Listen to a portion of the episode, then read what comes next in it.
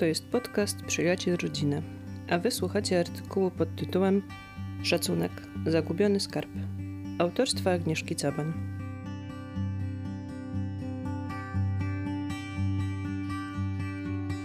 Choć szacunek jest fundamentem najważniejszych wartości, to wydaje się dziś być skarbem ukrytym lub zagubionym. Wśród nastolatków obecnie panuje moda na unikanie mówienia dorosłym dzień dobry. Dzieci też miewają problemy z formami grzecznościowymi. Uderzmy się w piersi. Jak wygląda nasze dzień dobry? Czy towarzyszy mu uśmiech, uwaga, odpowiedni ton i natężenie głosu? Irena Koźmińska w książce Wychowanie przez czytanie pisze, że szacunek to grzeczność połączona z troską o uczucia i dobro drugiej osoby oraz że nie ma prawdziwej, mądrej miłości bez szacunku. Nasze dzieci nie będą się kłaniać sąsiadom dlatego, że powiemy im przysłowiowe kazanie i wymusimy to na nich, ale dlatego, że stale będą obserwować u nas pożądane zachowanie i sami doświadczą z naszej strony szacunku. Życzliwe przypominanie to tylko skromny dodatek. Przedszkolaki po miesiącu wręcz teatralnych ukłonów rodziców w stosunku do ich pani i wzajemnie kodują sobie w sposób naturalny, że nie tylko mają mówić dzień dobry, ale robić to odpowiednio głośno, z uśmiechem, przyjaźnie patrząc na witaną osobę. Jednym słowem od serca, a nie z przymusu. U nastolatków to często jeden z zagubionych skarbów, niestety z winy nas, dorosłych. Tak płacimy za nasz brak uwagi i miłości, opartych na szacunku w dzieciństwie. Inne formy grzecznościowe to często jeszcze poważniejszy problem. W książce Z dzieckiem w świat wartości czytamy, że uczucia są źródłem naszych myśli na własny temat i na temat świata. Wpływają na to, jaką osobą się stajemy. Chroniąc uczucia innych osób, a zwłaszcza dzieci, dajemy im przestrzeń emocjonalną niezbędną do pełnego rozwoju ich potencjału. Depcząc uczucia dzieci, przyczyniamy się do ich złej adaptacji społecznej. Szacunek, którego najgłębszą treścią jest ochrona uczuć, czyli godności.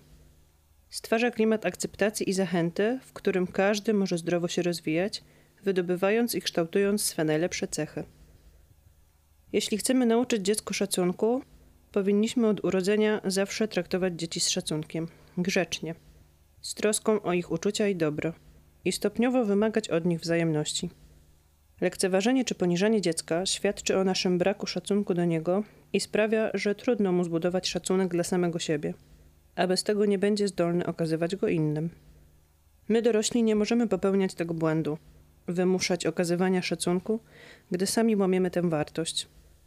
Warto uświadamiać dzieciom, że szacunek jest nie tylko grzecznością w słowach oraz tonie głosu, czynach, gestach, czy dbałością o uczucia innych, ich potrzeby i dobro, respektowaniem inności i autonomii, ale też poszanowaniem swojej godności, dbałością o własne dobro, zdrowie, wykształcenie, a także sposobem na docenienie, uznanie, podziw.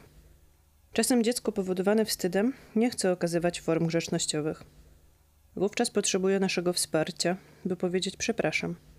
Zdarza się, że dziecko najzwyczajniej nie wie, jak to się powinno zrobić.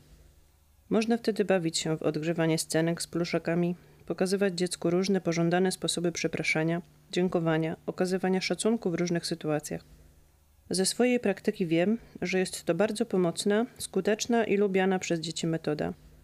Gdy przewinienie jest poważne, warto namówić dziecko, by oprócz zwykłych przeprosin ofiarowało własnoręcznie wykonaną pracę plastyczną lub zerwało na łące kilka kwiatków.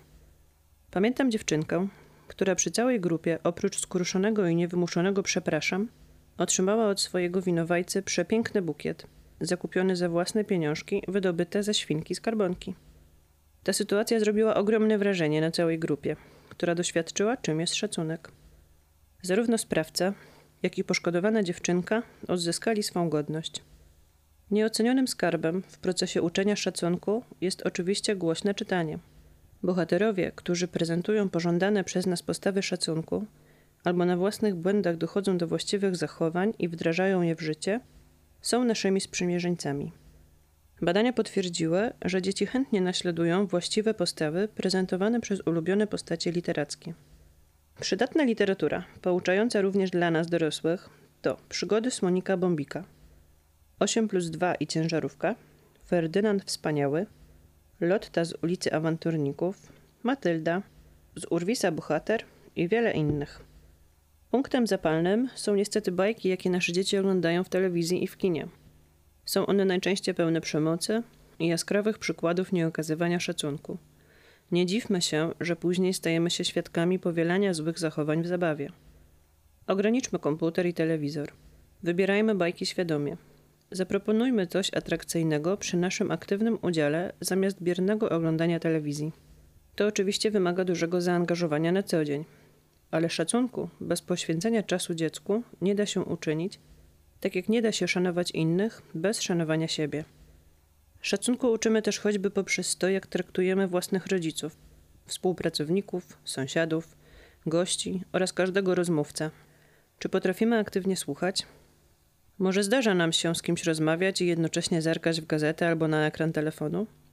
Nie jest żadnym odkryciem fakt, że czujemy się słuchani i szanowani, gdy inni patrzą na nas z uwagą, są skupieni na tym, co mówimy, prezentują odpowiednią mowę ciała, intonację głosu, wyraz twarzy, poświęcają nam swój czas, nie przerywają, pozwalają wyrazić nasze uczucia i potrzeby oraz okazują dla nich akceptację. Jeśli w taki sposób będziemy słuchać naszych dzieci, damy im świetną szkołę szacunku. Trzeba też zareagować, gdy choćby dziecko znajomych zaczyna mówić do nas na ty. Wytłumaczmy mu delikatnie, że nie wypada się tak zwracać do osoby starszej od nas. Nawet my, dorośli, nie do każdego się tak zwracamy, bo tego wymaga szacunek. Utwierdźmy dzieci, że należy się on wszystkim, a więc znajomym i nieznajomym, członkom rodziny, nauczycielom, rówieśnikom, kobietom i mężczyznom, osobom starszym, niepełnosprawnym, przedstawicielom różnych zawodów, religii i ras oraz samemu sobie. Szanować należy też cudzą własność, pracę, ziemię, przyrodę, zwierzęta, państwo i jego instytucje. Uczmy przykładem i rozmową okazywania szacunku poprzez odpowiedni do miejsca i sytuacji strój, punktualność, sprzątanie po sobie, życzliwe wyrażanie się o innych, unikanie plotek, dbanie o cudzą własność, kulturalny język, zapamiętywanie imienia i nazwiska nowo poznanej osoby, uprzejme zachowanie się na drodze.